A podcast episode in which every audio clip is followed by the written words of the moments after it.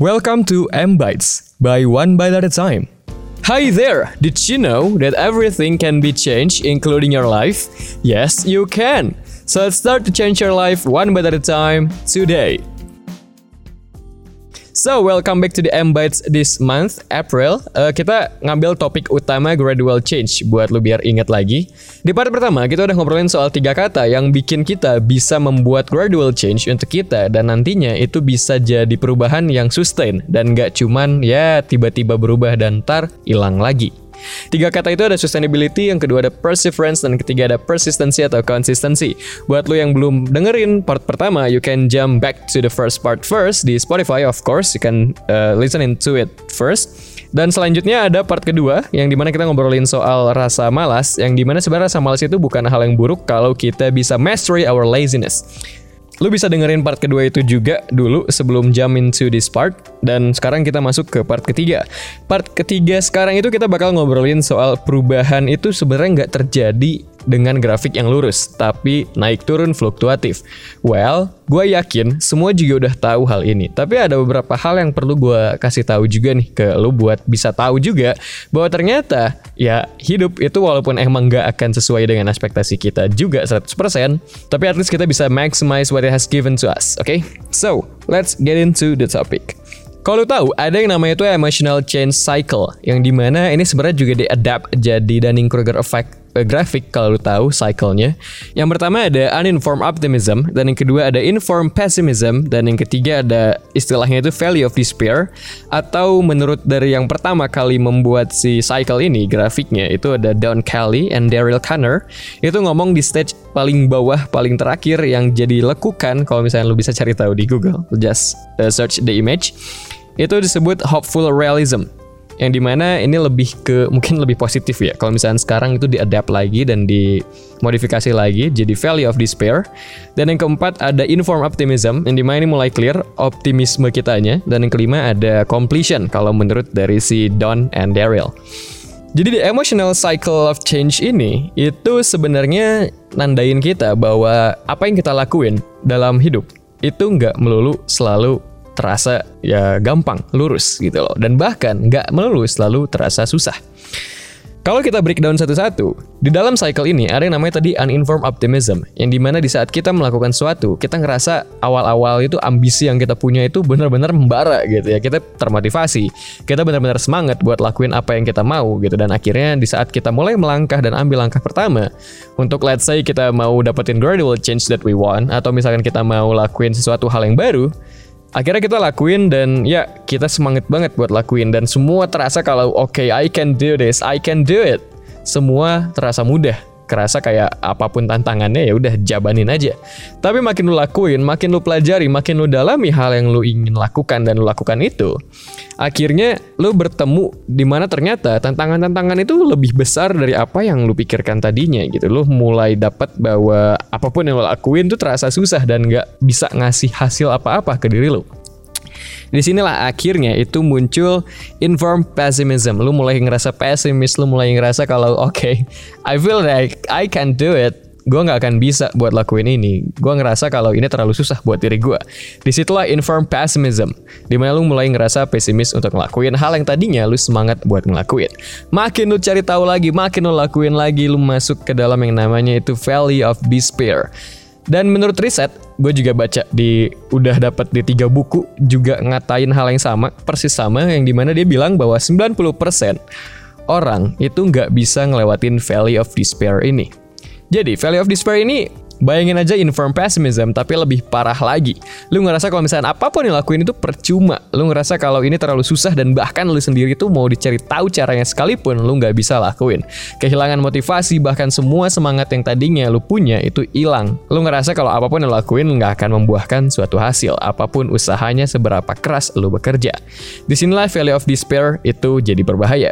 Dan yang jadi menarik adalah gimana sih caranya biar kita bisa melalui value of despair ini untuk bisa nanti akhirnya masuk ke inform optimism yang di mana kita mulai tahu bahwa ternyata hal-hal yang kita tadinya itu nggak tahu itu bisa kita cari tahu dan bisa kita pelajari dan bisa kita hadapi sebenarnya dengan cara menata strategi dan juga rencana yang kita punya di hidup kita. Well, the answer is sebenarnya adalah just push through. Just do it. Just keep pushing yourself. Karena satu-satunya solusi buat menghadapi suatu tantangan, ya dengan cara lu terus melakukan hal yang terbaik untuk diri lu. Well, mungkin ngomong aja gampang ya. Yap, gue juga setuju. Tapi satu trik utama menurut gue adalah ada satu patokan di dalam value of despair ini yang jadi bikin 90% orang tadi itu belum bisa buat melewati valley of despair itu adalah di saat mereka menyerah terhadap suatu pilihan dan akhirnya memilih untuk mengulang dari awal lagi suatu hal yang baru. Dan begitu lagi, terus-terusan hal yang baru dilakuin lagi, uninformed optimism tadi terlewati lagi, informed pessimism dialami lagi dan akhirnya masuk ke valley of despair lagi. Dan dari sana ya mulai lagi hal yang baru gitu aja terus dan gak pernah ada yang beres.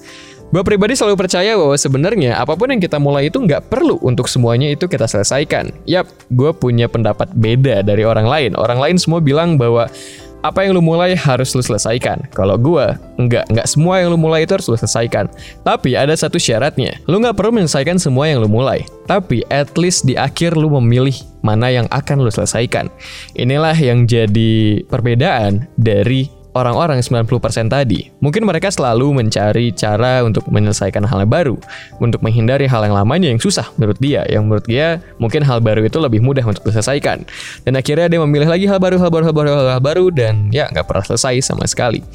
Tapi masalahnya, kalau ngomongin soal harus menyelesaikan semua hal yang kita mulai, itu jadi kurang relevan dengan anak-anak muda yang masih eksplorasi dirinya, yang masih cari tahu sana-sini. Dan kalau misalkan kita harus menyelesaikan semua yang kita mulai, well, akhirnya kita juga kecapean sendiri kan, karena banyak hal yang kita mulai. Jadi, satu patokan utama adalah, at least at the end of the day, you have to choose one that you want to focus on. Ya bebas lah, one, two, three, ya sesuai capability lu. Tapi yang pasti adalah you have to choose. Oke, okay? that's the trick for the value of despair. Karena gue sendiri juga sebenarnya ngalamin hal tersebut. Gue mulai A, B, C, D selama 2-3 tahun ini. Dan yap, akhirnya gue mulai lagi ngebangun nih gue pingin coba fokusin ke satu dua hal yang di mana gue emang itu juga saling berhubungan jadi ya you can say satu hal sebenarnya dan coba let's see uh, how it goes. Dan nantinya gue juga bakal update lagi gimana perkembangan yang gue lakuin di hal ini. Di Instagram gue kalau misalkan lu mau tahu perjalanan gue di @mhmdfirza you can follow my account and yeah you can hear it there. Uh, back to the topic di stage selanjutnya itu adalah inform optimism. Di saat kita udah bisa memilih satu hal yang emang kita ingin perjuangkan dan akhirnya kita push through, kita terus push ourselves untuk memaksakan lah ya tanda kutipnya mungkin yang yang gampangnya gitu, yang kasarnya gitu ya. Untuk terus berusaha dan melakukan apa pun yang kita perlukan untuk bisa mencapai apa yang kita mau. Terlepas kita tidak punya semangat atau motivasi apa pun, kita terus berusaha untuk push ourselves. Tapi masalahnya kalau ngomongin gak ada motivasi juga kurang relevan juga kan. Jadi gue nemuin ini di satu buku yang nama bukunya itu adalah 12 Week Year. Uh, yang ngasih tauin gimana cara kita biar bisa kerja dalam jangka waktu 12 minggu untuk mencapai yang di mana pencapaian itu total dengan satu tahun, sama dengan satu tahun. Dia ngasih tauin bahwa satu kunci utama buat bisa melewati Valley of Despair, buat bisa nantinya akhirnya masuk ke Inform Optimism, dengan tidak ada motivasi dan semangat apa pun yang kita punya itu adalah satu, punya visi besar untuk kita capai. Karena dengan kita bisa set the vision that we have in our life as big as what you want. Let's say you want to make impact ke 50% total populasi Indonesia. Itu visi lo let's say. Lu mau ngasih tahu mereka tentang edukasi finansial let's say atau apa pun lah itu. The big vision that you have itulah yang akhirnya bisa drive lu di saat lu nggak ada motivasi-motivasi mikro atau misalnya semangat-semangat di hari-hari lu dalam di saat proses lu dalam valley of despair tadi. Dan dengan lu bisa clearing the vision dan lu bisa organize your strategy and plan buat bisa achieve that vision, di situlah akhirnya lu bisa mulai masuk ke dalam inform optimism karena lu tahu hal-hal clear yang lu tahu dan lu tahu hal-hal yang gak clear yang lu gak tahu. Ya ini nih agak-agak aneh tapi emang gitu kenyataannya.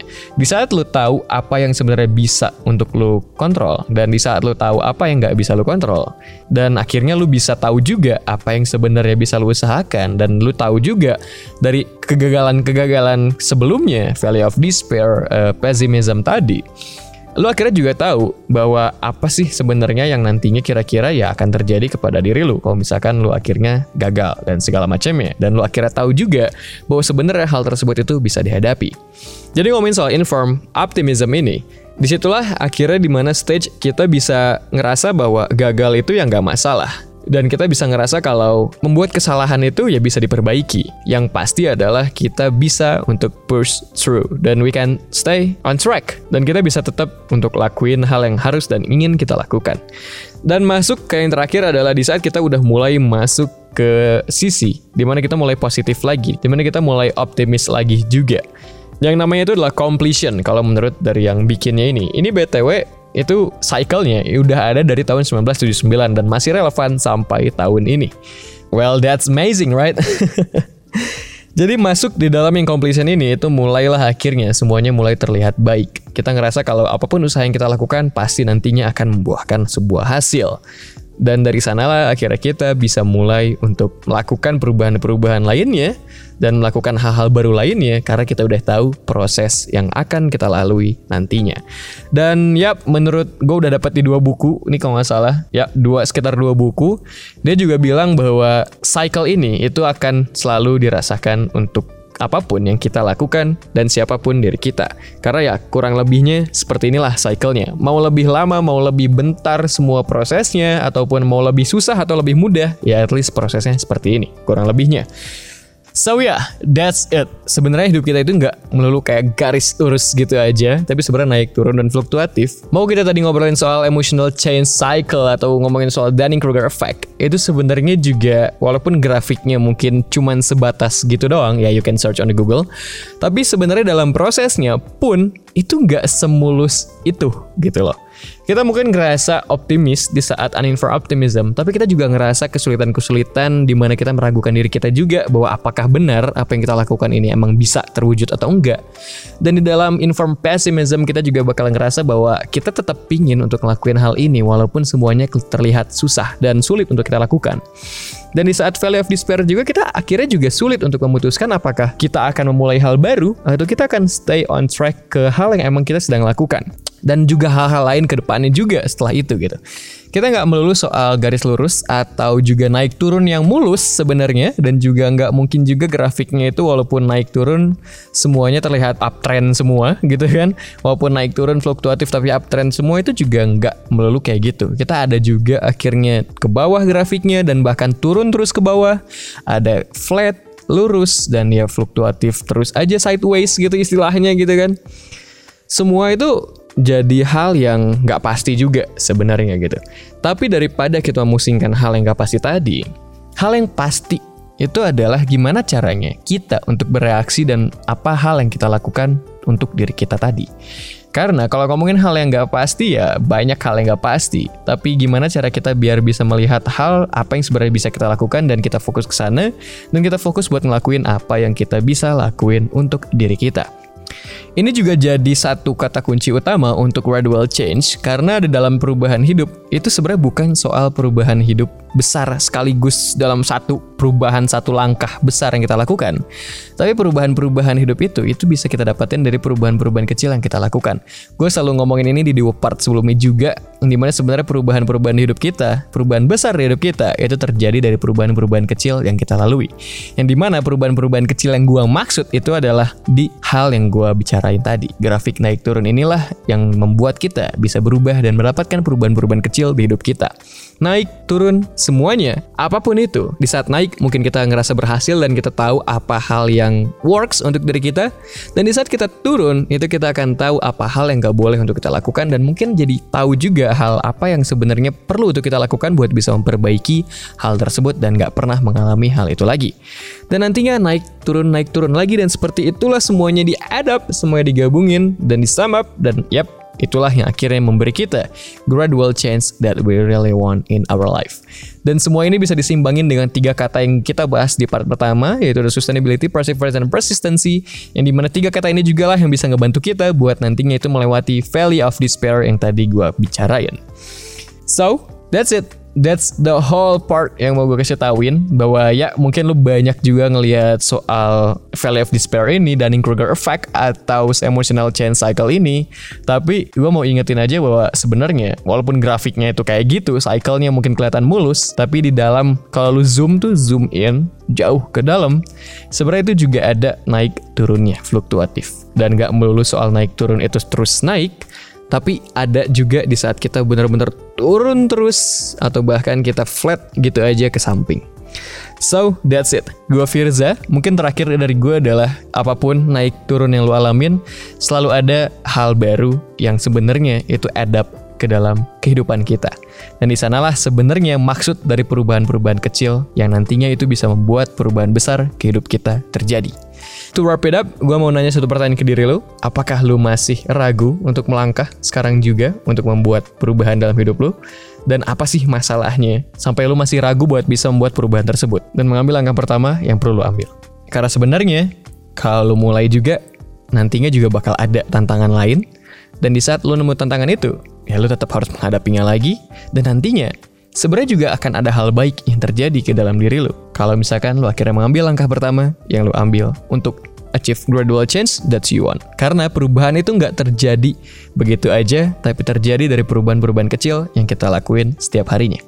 So, you can share these bites to your friends biar mereka juga tahu bahwa ternyata gradual change itu dan perubahan-perubahan ini itu sebenarnya terjadi dari perubahan-perubahan kecil yang terjadi setiap harinya di hidup kita dan perubahan-perubahan kecil ini itu juga nggak selalu naik doang, tapi ada saat untuk kita turun dan ada saat untuk kita sideways juga, untuk kita stay on track, untuk kita memutuskan, untuk kita berpikir dan untuk kita istirahat dan juga untuk kita berusaha.